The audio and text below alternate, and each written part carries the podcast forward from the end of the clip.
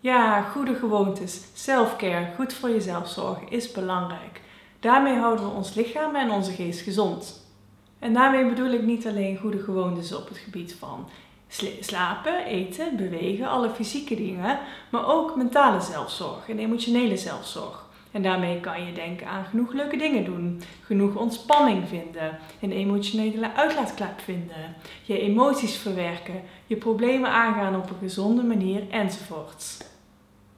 En als jij goede gewoontes hebt op deze gebieden, dan heb je meer kans om je energiek en positief te voelen, ook in de winter. Met beweging houd je je conditie op peil en blijf je actief. En met je sociale leven zorg je dat je niet geïsoleerd raakt, dat je verbonden blijft met andere mensen. En dit is allemaal goed voor ons. Echter, er zit wel een valkuil in, een denkfout die je zou kunnen maken.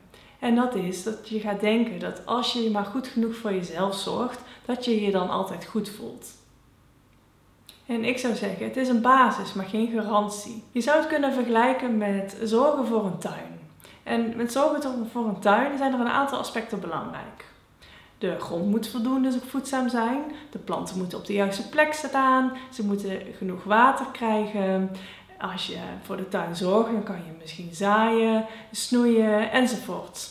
Maar ook al zal je al deze dingen goed doen, dat wil nog niet zeggen dat alle planten groeien. Soms willen ze niet, sommige planten bereiken niet hun maximale potentieel. En het ene jaar is ook anders dan de andere. Want zo is de natuur en zo ben jij dus ook. Dus ook al vind ik het ontzettend belangrijk wat ik je nu ga vertellen, al deze adviezen, bekijk het op die manier. Het is goed dat je jezelf zorgt, voor jezelf zorgt, maar dat is nog geen garantie en dat is ook oké.